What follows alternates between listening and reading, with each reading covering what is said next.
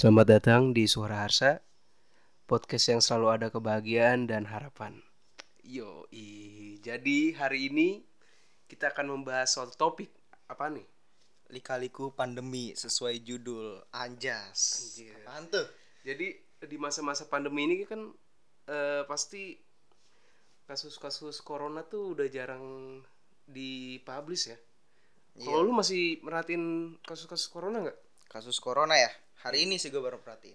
Wis gila. Gila. Kalau gue sih jarang banget karena di sosial media gue sekarang udah jarang update kasus-kasus kayak gitu karena gue pun gak mau lihat gitu.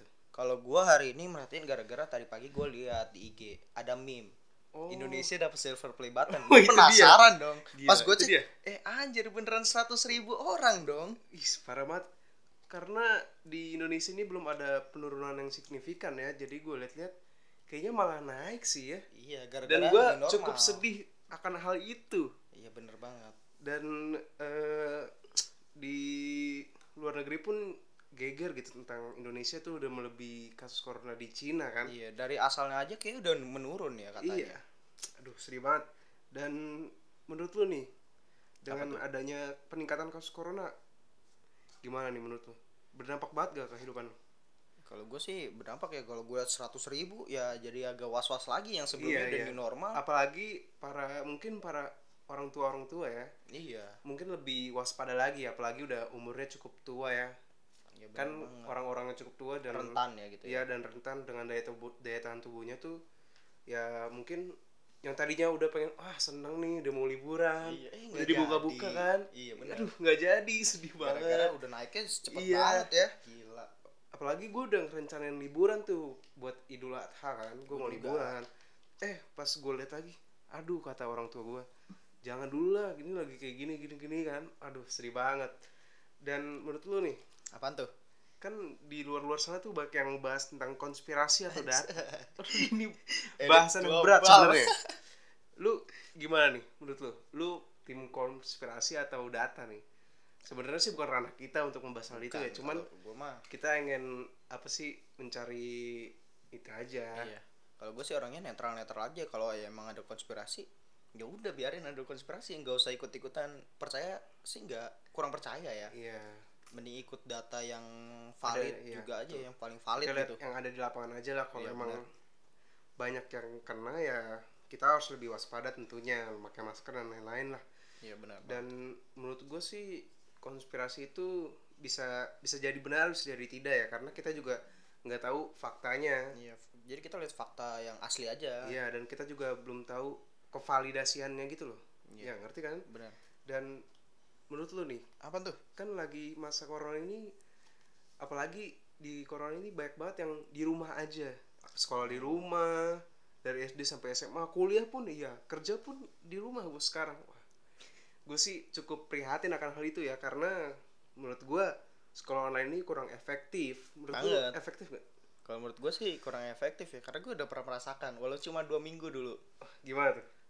kurang efektif gara-gara satu muridnya tuh kadang-kadang banyak yang malas lebih gampang bolos iya bener apalagi kalau yang dijelasin terus gak suka sama gurunya nah itu kan Oh. bikin males gampang banget Iya. turn off kamera Iya, aduh apalagi kalau cuma pakai kamera gitu kan bisa di turn off abis tidur atau Iya. enggak lagi makan.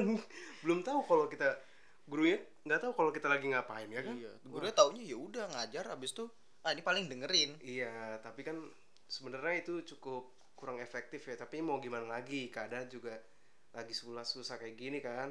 Apalagi Iya, tuh mungkin satu-satunya jalan. Tapi bin apa tuh?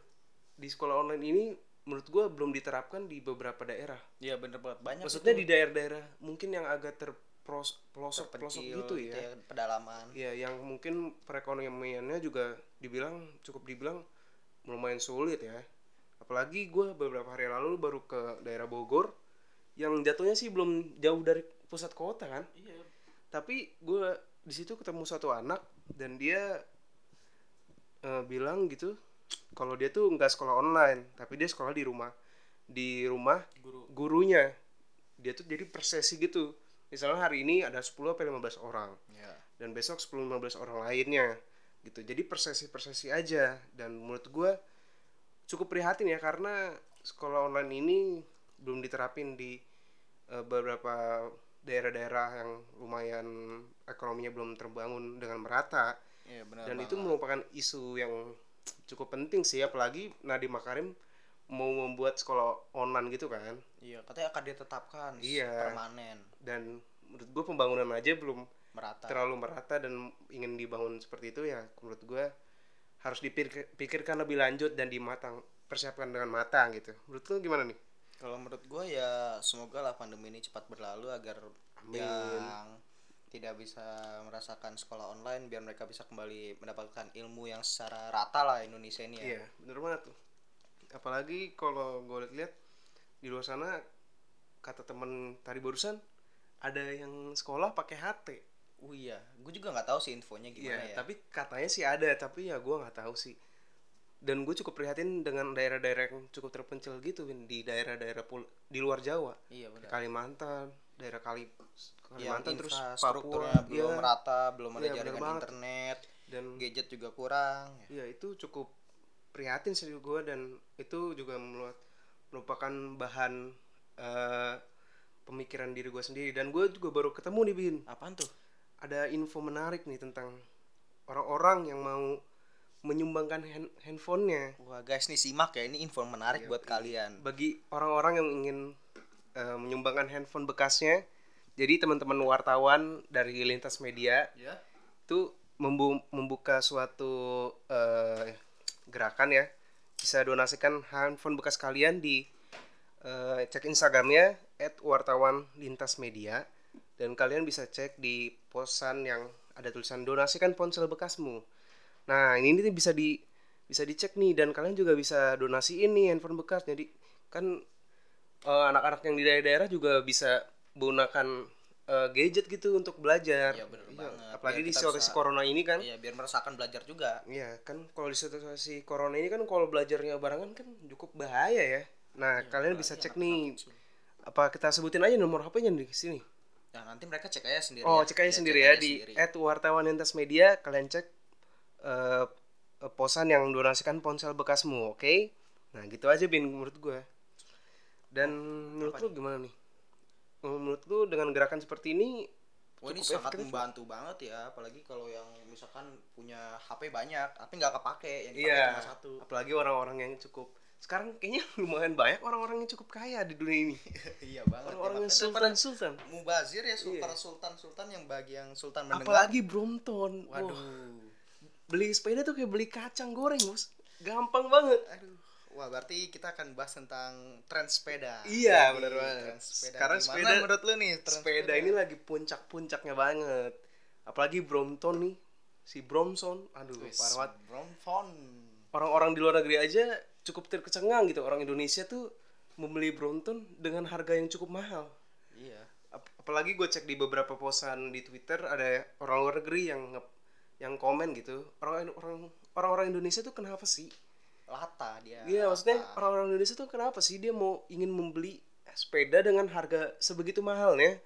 Dari luar negeri dikirim ke Indonesia kan itu merupakan ada duit yang harus dibayar lagi kayak ongkos kirim dan lain-lain kan pajak dan lain-lain. iya. padahal di Indonesia juga ada sepeda buatan Indonesia kan. Iya. Semalam gua baru nonton juga ada yang orang apa sepeda buatan Indonesia yang sama kayak Brompton. Mirip lah. Namanya Creus. Waduh. Asli Bandung guys. Kalian bisa cek ya nanti di IG-nya kalau nggak salah elemen baik juga iya tapi itu goib katanya. Goib, goib banget. Kita bukan promosi ya tapi Iya. kita ingin menginfokan aja kalau produk lokal juga lumayan bagus kok nggak cuma Ya, Brompton. bener banget. Jangan mengutamakan gengsi lah. Walaupun emang bagus sih ya. Iya. kenapa sih Brompton bisa mahal gitu ya mungkin karena ini ya lagi hype-nya. Dan katanya dibuat pakai handmade ya? Iya handmade itu. Cuma Wah, beberapa orang yang buat dan emang lagi hype-nya mungkin biar kelihatan sultan aja gimana gitu ya. Nggak tahu juga gua mau apalagi harganya ada yang di atas 100 juta ke atas kan. Iya, benar bisa buat beli motor. Tapi ya daripada kalian beli-beli Brompton kayak gitu ya mending pakai sepeda yang ada dulu aja ya iya bener banget. olahraga. Mm-mm. apalagi kalau di era sepeda ini kan apalagi banyak orang yang sepeda tapi pakai masker menurut Wah. lu bagus tuh nggak tapi kan sebenarnya pakai masker itu kita membuang CO2 dan menghirup CO2 lagi kan iya nah oleh karena itu gue lihat di beberapa post IG Iya. bilang kalau sepeda tuh yang dianjurkan tuh sekarang oleh Kemenkes pakai masker tapi diturunin biar hidungnya itu kebuka biar Iya, setidaknya hidungnya aja kan Iya, yang bisa bernafas. hidungnya biar CO2 yang kita hirup bisa kebuang beneran kita ngirup CO2 yang baru gitu Ya, apalagi sepeda kan merupakan olahraga kardio cukup tinggi ya. Dan kita juga memiliki batas batas tubuh kita gitu. Masa lu pengen maksa-maksa aja? Kecuali lu emang bernapas pakai pori-pori. Kayak Ikan kodok iya, kayak kodok atau amfibi gitu kan. Lu nggak apa-apa gitu eh, pakai masker karena lu udah harus pakai pori-pori. Tapi kalau lu pakai indera penciuman, penghirup gitu, ya jangan bos karena bagi bisa membahayakan diri lu sih, mati, bisa meninggal. niatnya mau sepedaan biar sehat eh meninggal. Nggak lucu dong. Di berita-berita juga banyak kan yang udah meninggal gara-gara pakai masker gitu. Iya benar Iya. banget. Jadi nggak apa-apa bersepeda tapi harus kenali batas diri lu sendiri lah. Kan Iya. ada limitnya tubuh kita jangan dipaksa juga. Iya benar. Iya apalagi orang yang ingin sehat banget pengen jadi atlet gitu harus tahu batasnya juga kan. Iya. Kalau di push banget bisa celaka gitu kan. Dan menurut gua eh, sepeda ini kalau diterusin gitu setelah corona bagus sih. Bagus. Mungkin nanti kalau setelah corona ini mungkin harga sepeda balik normal lagi ya. Jadi nggak terlalu hype lagi apa Iya. gimana gue juga nggak bakal tahu ya. Karena ini emang lagi hype nya terus membuat harga-harga semua naik gak cuma harga sepeda. Iya bener banget. banyak yang naik. Dan gue berdoa juga supaya sepeda ini menjadi suatu kebiasaan iya benar jadi banget mengurangi polusi juga kan lumayan gitu Iya. gue baru lihat tuh di IG ada yang ngebandingin Jakarta bulan Maret dan bulan Juli waduh gimana Pak, bulan ja apa bulan Maret itu Jakarta itu langitnya bagus banget biru Hmm. awannya kelihatan polusinya hilang Iya. gara-gara kita di rumah semua terus selang beberapa bulan bulan Juli nih gara-gara udah new normal balik lagi apa kerja offline ke Iya. kantor kan banyak yang pakai mobil nih motor mobil Iya, polusinya langsung banyak banget iya. bos. Dan gue harap sih sepeda yang itu terus-terusan aja kita pakai sepeda menjadi suatu kebiasaan yang baik Iya, lah. kita pakai transportasi umum gitu kan dan mengurangi polusi bagus lah. Iya, Dan- banget. gue sih eh, kalau selama pandemi ini gue sering nonton itu juga sih bin. Sepeda-sepeda gitu di orang luar negeri gila, lagi balapan gila. sepeda. Seru juga tuh kata gue wah ini seru juga balapan sepeda dari atas gunung salju kata gue ada yang kepleset kepleset kata gue ini asik kan kenapa tapi? Iya sih asik. Cuman agak gokil juga ya tapi sebenarnya kebiasaan sepeda ini udah terbangun cukup lama cuman jadi tren lagi kan. Iya dulu udah sempet tren terus hilang. Mungkin Indonesia orangnya kayak gitu kali ya Iya. suka kayak gelombang nih naik turun naik turun gitu ya. Iya. dan gue juga sering ini sih bin. Apa tuh? Pas pandemi gue sering nonton orang main golf. Seru banget tuh Gua golf lagi hype di kalangan Sultan. Iya.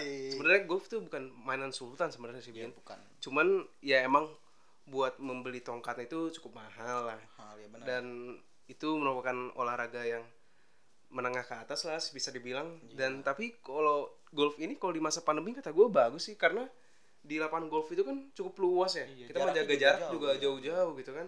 Nggak deket nggak deket-deketan nggak pegang-pegangan nggak bersentuhan iya kan bagus kata gue golf ini tapi apa daya gitu kan bagi orang-orang rakyat di menengah ke bawah seperti kita kita ya cuma bisa nonton Iya. Tapi eh, katanya sih ada juga penyewaan stick golf di lapangan-lapangan golf dengan harganya cukup seratus- terjangkau gitu Iya ya lah, bisa bisa kalau orang bisa pengen nyoba-nyoba lah gitu. Tapi kalau udah pengen serius ya bisa lah dibeli stick golfnya gitu kan. Apalagi gue lihat-lihat musisi-musisi sekarang tuh banyak yang main golf. gak cuma musisi kayaknya influencer juga youtuber pun Iya. juga Pengusaha-pengusaha emang pengusaha-pengusaha. pengusaha emang main golf Iya sih. Dan menurut gue itu merupakan kebiasaan yang baik sih. Kayaknya kalau olahraga semua juga bisa kalian tekuni ya asalkan ada niat dalam diri untuk sehat ya gitu Kalau lu- apalagi di masa pandemi gini kesehatan tuh nomor satu kenapa tuh Pas pandemi sering nonton apa nih? kalau gua pas pandemi gini nontonnya Netflix bos Waduh, apa nih yang sering lo tonton? Seriesnya? Eh, mungkin ya seri-series yang lagi trending-trending aja ya yang mungkin yang ada di most trending gitu yang gue tonton Kalau gue nih lagi suka nonton Korea. Korea itu ternyata bagus bos. gua udah nonton Korea udah dari setahun yang lalu malah Gak maksud gue, gue belum lama ini nonton eh yang apa sih yang Itaewon Class. oh Itaewon Itu maksud gue bukan cuma romance yang lebay-lebay gitu kan. Menurut orang kan banyak kan romance yang Korea itu lebay ya. Sebenarnya enggak bos. enggak Bagus malah pas Itaewon Class itu nggak mau spoiler ya cuman emang ceritanya cukup bagus dan inspiratif Ya, karena banget itu si sosok apa sih yang cowoknya itu dia cukup berprinsip ya orangnya jadi bisa sampai sukses kayak gitu kan ya bisa dicontoh tonton sendiri aja lah bagi orang-orang ini yang belum Yang nonton penasaran gitu itu Iya. menurut gue tuh apa cocok banget ya recommended untuk ditonton ya iya banyak sih film-film Korea yang bagus-bagus lagi Banyak, inspiratif banyak. kalian bisa cari sendiri gitu Iya, Crash Landing on You dan lain-lainnya gitu kan. Apalagi yang baru update-update akhir-akhir ini. Ya cuman yang marriage marriage itu yang ada di, di trans ini itu. Wah, gue juga nonton sih. Lu sebenarnya. nonton Gua itu? nonton. Aduh, Gua gua nonton di gua feed. gara-gara nyokap gua nonton itu, jadi gua nonton aja kata gua. Tapi gua kurang suka sih cerita-cerita yang kayak gitu karena terlalu complicated. Apa sih cerita love-nya gitu, love story-nya terlalu rumit. terlalu lebay juga sih. Iya. Jadi, cuman ya bisa lah buat jadi hiburan tapi jangan sampai lebay-lebay. Iya. Gue juga lihat di Instagramnya cewek yang, pelakor ceweknya, itu iya. banyak orang ini. Indonesia banyak yang ke bawah suasana baper dia. kan sempet trending orang-orang Iya. Indonesia. Tapi kasihan juga orang-orangnya kan. Iya, kasihan juga orang apa korbannya kan nggak tahu bahasa Indonesia apa. Iya. Jadi dia jadi tahu kan juga Anjir. sakit hati rasanya. Cuma film doang. Iya, itu cuma film doang. Abis itu kan si artisnya itu bilang itu cuma film doang. Janganlah ke bawah baper gitu kan. Iya. Iya. Maksud gua ada batasannya lah. Apalagi orang-orang Indonesia juga sekarang banyak sih yang komen-komen orang luar negeri gitu. Lagi kayaknya jaman banget sih. Siapa sih yang di TikTok itu? Siapa? Aduh, mana yang cewek? Iya. Rimar. Iya, Raymar. Aduh. Sebenarnya kasihan juga dia nggak ngerti apa-apa. Iya, nggak ngerti apa-apa di komen-komenin. Sebenarnya ada bagusnya juga buat Raymar dia terkenal. Iya. Oke, tapi kalau dia membaca hate comment, hot comment ya menurut gue dia cukup sakit hati sih itu hal itu. Apalagi apalagi buat cewek-cewek yang punya pacar, pacarnya suka sama Raymar. Cewek-cewek ini mengkomen Raymar, tapi kan Raymar gak salah apa-apa. Iya, bener. Toh Raymar juga jauh di sono. Iya, kan dibikin hiburan buat kita. Janganlah Iya. digituin. Kasih Raymar juga jauh di Filipina gitu nggak bakal nggak bakal bakal berselingkuh kalau cowok lu mungkin Raymar juga di sana udah punya pacar kita juga nggak tahu kan Ya, tolonglah apa net- netizen Indonesia jangan terlalu barbar lah. iya maksud gue di di pers- sepersekian detik juga kita nonton video Raymar di TikTok itu juga bu- bukan cuma maksudnya bukan setiap kehidupan dia kita tonton di TikTok itu cuma enggak. 15 detik atau mungkin 30 detik dari kehidupannya gitu Iya. mungkin kehidupannya pun lebih punya pacar gitu kan nggak usah dikomen-komen lah Iya bener banget. ya maksud gue kasihan juga lah gitu kan gimana bin Oke, selain lu nonton itu apalagi yang lu tonton kali kira-kira nih? apalagi ya gue sih akhir-akhir ini gue mereview-review lagi film-film di Netflix yang udah cukup lama kayak gue mengulik lagi apa sih masalah-masalah yang kayak 13 Reasons Why Oh iya iya iya. ya gue kan itu lagi trending lagi. itu kan maksud gue film yang cukup gue tuh emang orangnya suka mengulik-ngulik itu kan cukup complicated ya cukup rumit gitu harus butuh penalaran tinggi harus mikir gitu film yang harus mikir gue ngulik-ngulik lagi ternyata, ternyata gue ketemu kesimpulan-kesimpulan baru yang mungkin dulu pas gue nonton pertama kali gak ketemu gitu menurut gue itu ya walaupun itu agak gabut ya jatuhnya Iya, cuman gue apa? ya bisa mengisi waktu lah buat hal itu kayak buat apa sih self eh, apa sih buat penelaran diri dan buat nemuin jalan keluar atau apa-apa gitu kan Iya bener banget. Oke Yo, oke. eh. Kalau apalagi nih gua kita sekarang nih lebih sering ini nih nonton nonton nonton YouTube gitu review-review sepeda karena gua pengen punya road bike aduh karena road bike itu menarik gitu ya ciamik gitu tuh karena keren aja gitu. Orang naik sepeda ngebut ngebut tapi tetap jaga keselamatan. Mm-mm. nah buat orang-orang juga kalau naik sepeda pakai helm lah.